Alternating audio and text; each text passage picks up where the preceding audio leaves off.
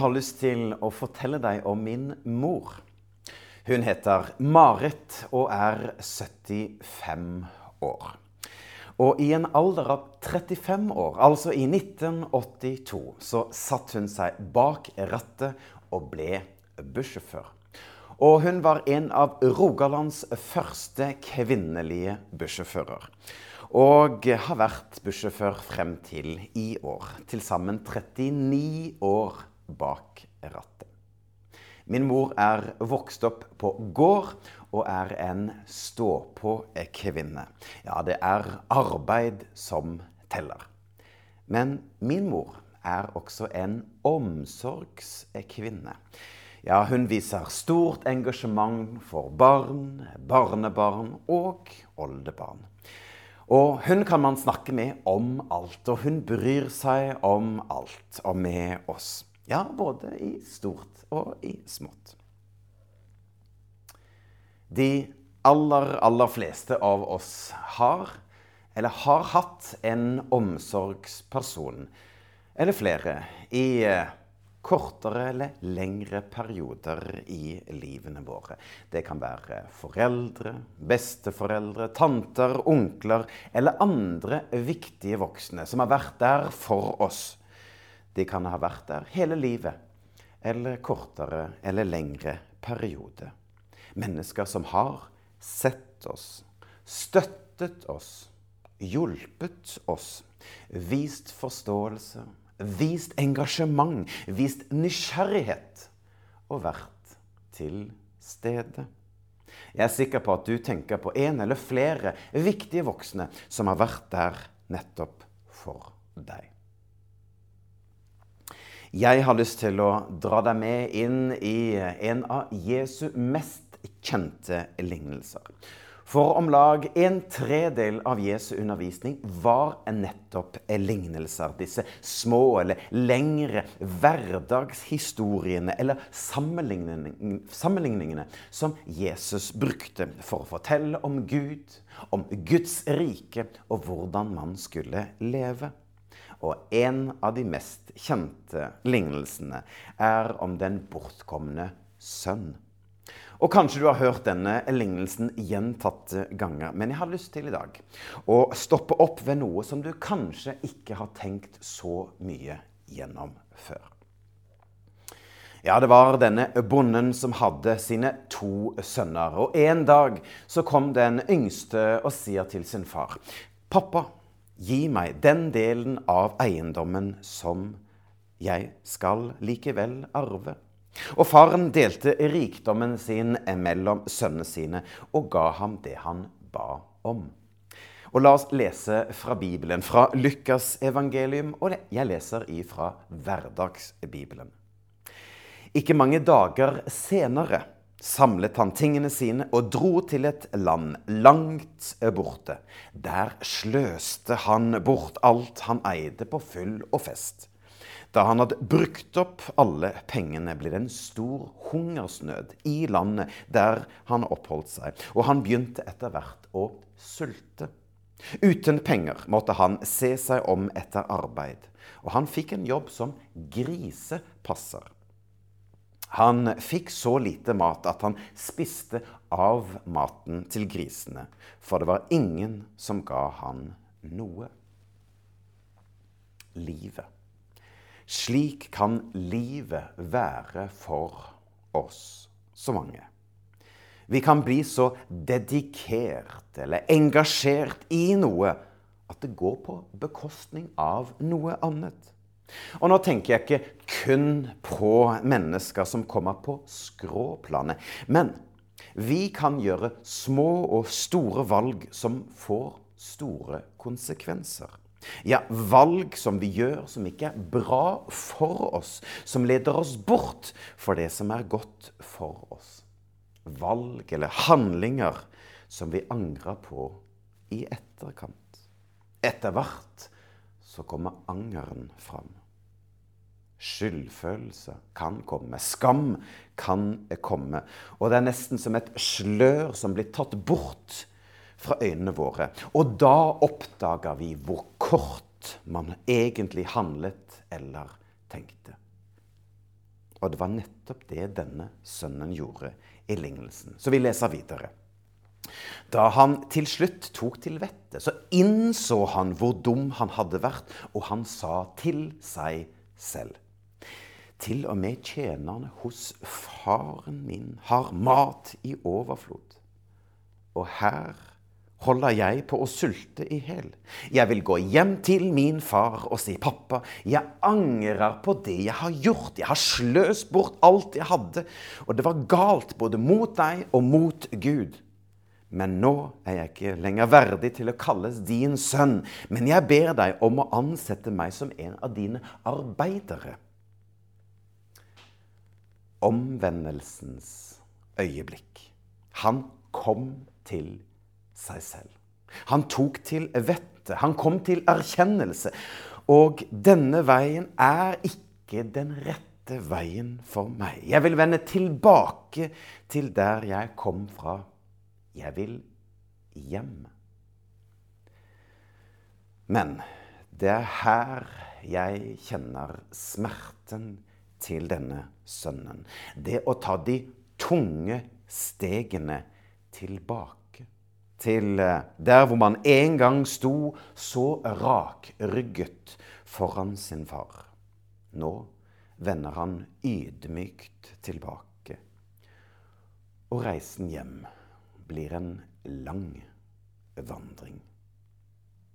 På mange måter. Sønnen, han har mange timer foran seg. Nok til å føle på skammen, på nederlaget på redselen. Han har vanæret sin far.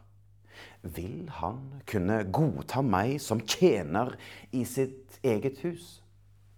Denne flaue følelsen og det nedverdigende faktum at han har sløst bort alt, har satt seg som en stram klo i brystet. Hva vil de, hva vil alle de andre si om han nå? Men han har allerede bestemt seg. Han velger å vende tilbake der han en gang sto. Han trodde han visste alt. Han trodde at det var da livet begynte. Men det skulle vise seg at det var da livet sakte ebbet ut. Valg får følger. Ja, dårlige valg kan lede oss på ville veier.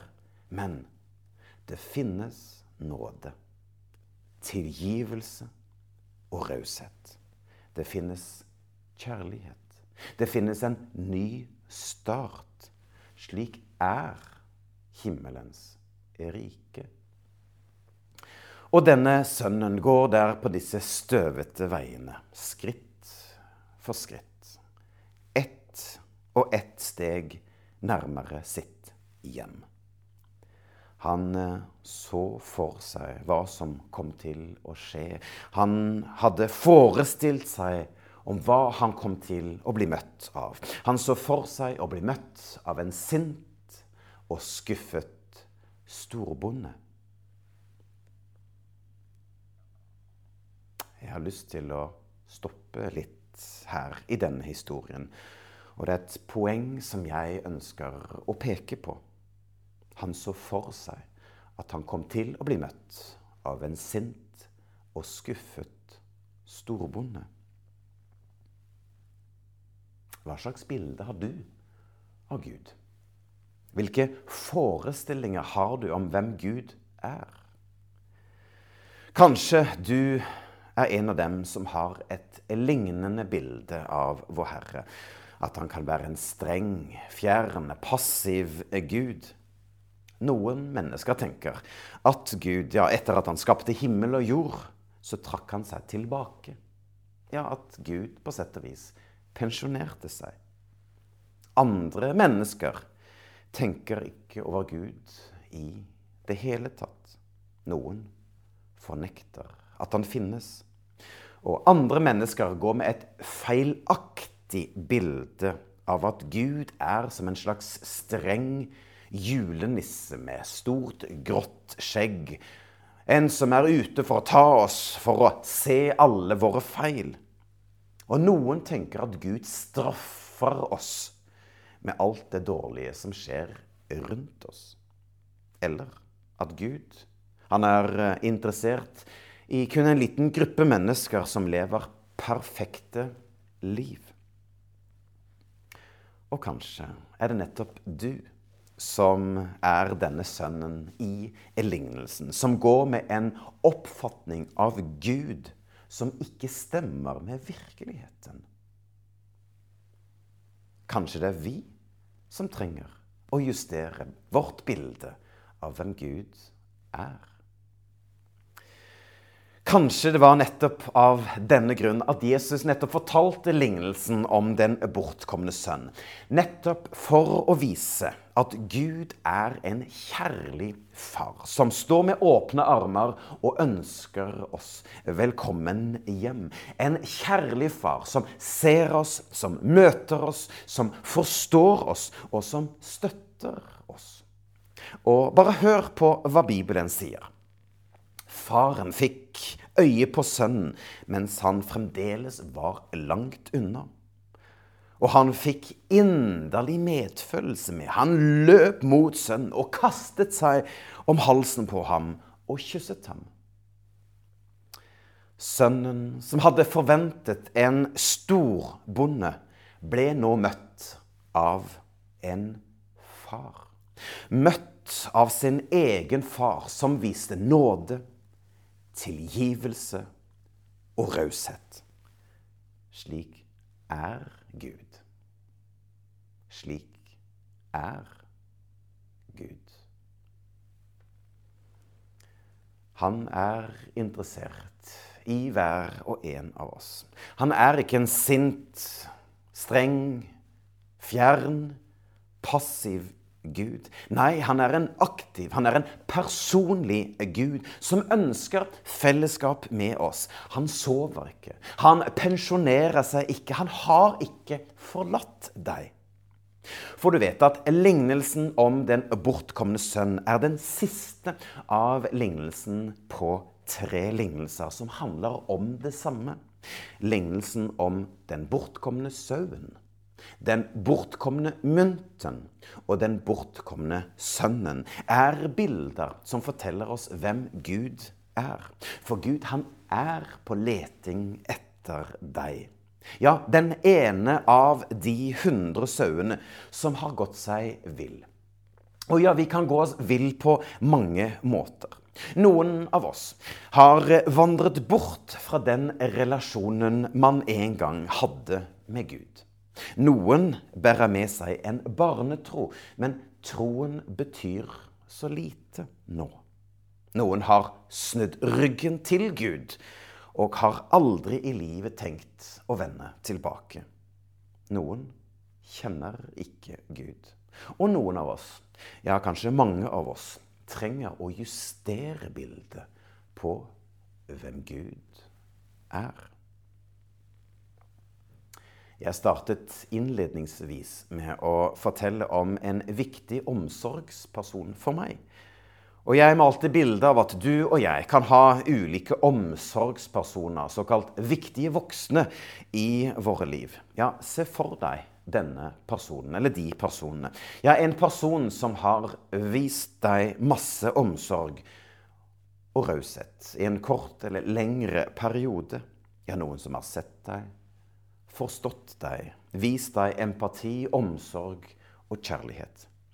For slik er Gud, og bare enda bedre. For mennesker kan svikte, kan snu ryggen, kan forsvinne ut av våre liv. Men Gud, Gud er alltid der. Til stede. Han forlater deg ikke. Han vender deg ikke ryggen. Han er der for oss. Ja, så hvordan er Gud?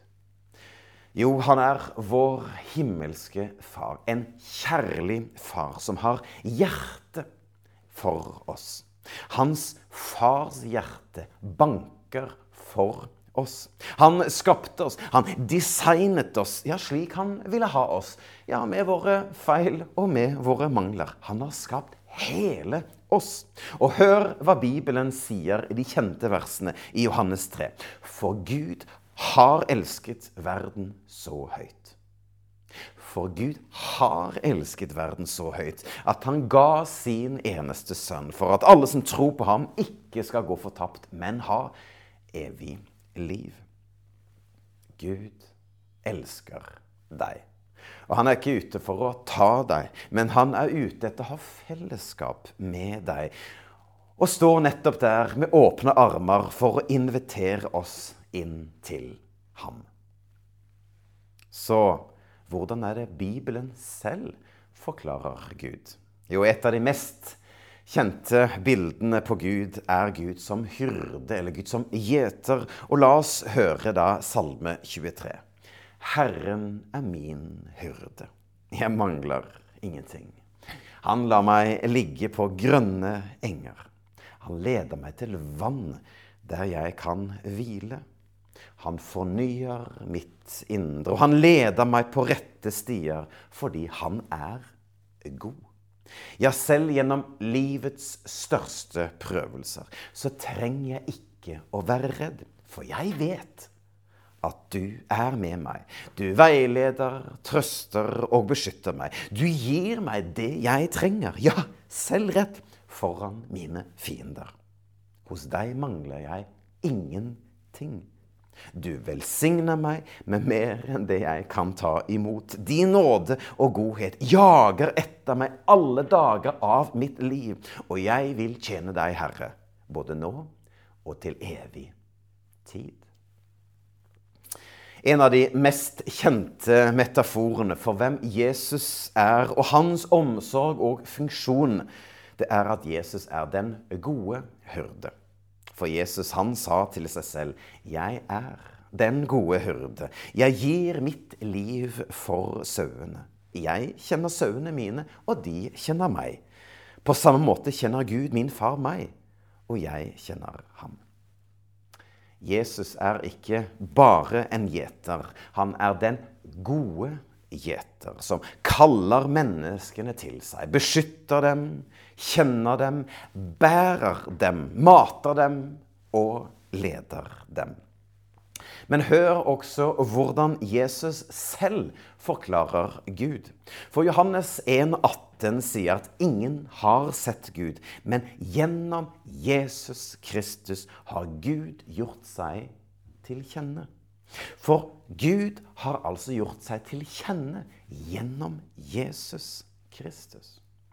Og disippelen Thomas, ja, som den spørrende person han er, lurer også på Han sier, 'Herre, vi vet ikke hvor du går, så hvordan kan vi vite veien dit?'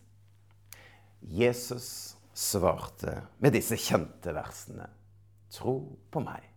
Jeg er veien, sannheten og livet. Ingen kommer til Gud, min far, uten å gå gjennom meg. For ved å bli kjent med meg, så blir det også kjent med Gud, min far. For egentlig har dere allerede gjennom meg fått se hvem Gud er.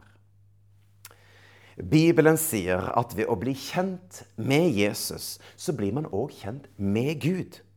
For i Jesus har Gud vist seg sitt ansikt. Se på Jesus. Se og lær av mesteren og bli kjent med Jesus. Da blir du òg kjent med Gud. Og kanskje vi noen ganger er som den bortkomne sønn som har et feilaktig bilde av vår himmelske far. Kanskje vi trenger å justere bildet vårt av hvem han er. Kanskje vi trenger å gjenoppdage hans kjærlighet for oss. Kanskje vi trenger å se på nytt hvem Gud er, og hva han har gjort for oss. Jesus han ble ikke tatt liv av, men han ga seg selv for oss på korset, i kjærlighet. Nettopp for å gjenopprette relasjonen mellom deg og Gud. Gud er som den kjærlige far, som ønsker et vennskap med oss. Og han, hans fars hjerte banker for deg. Du er skapt av Gud til vennskap med ham. Så åpne opp ditt hjerte, slik at han kan komme til deg.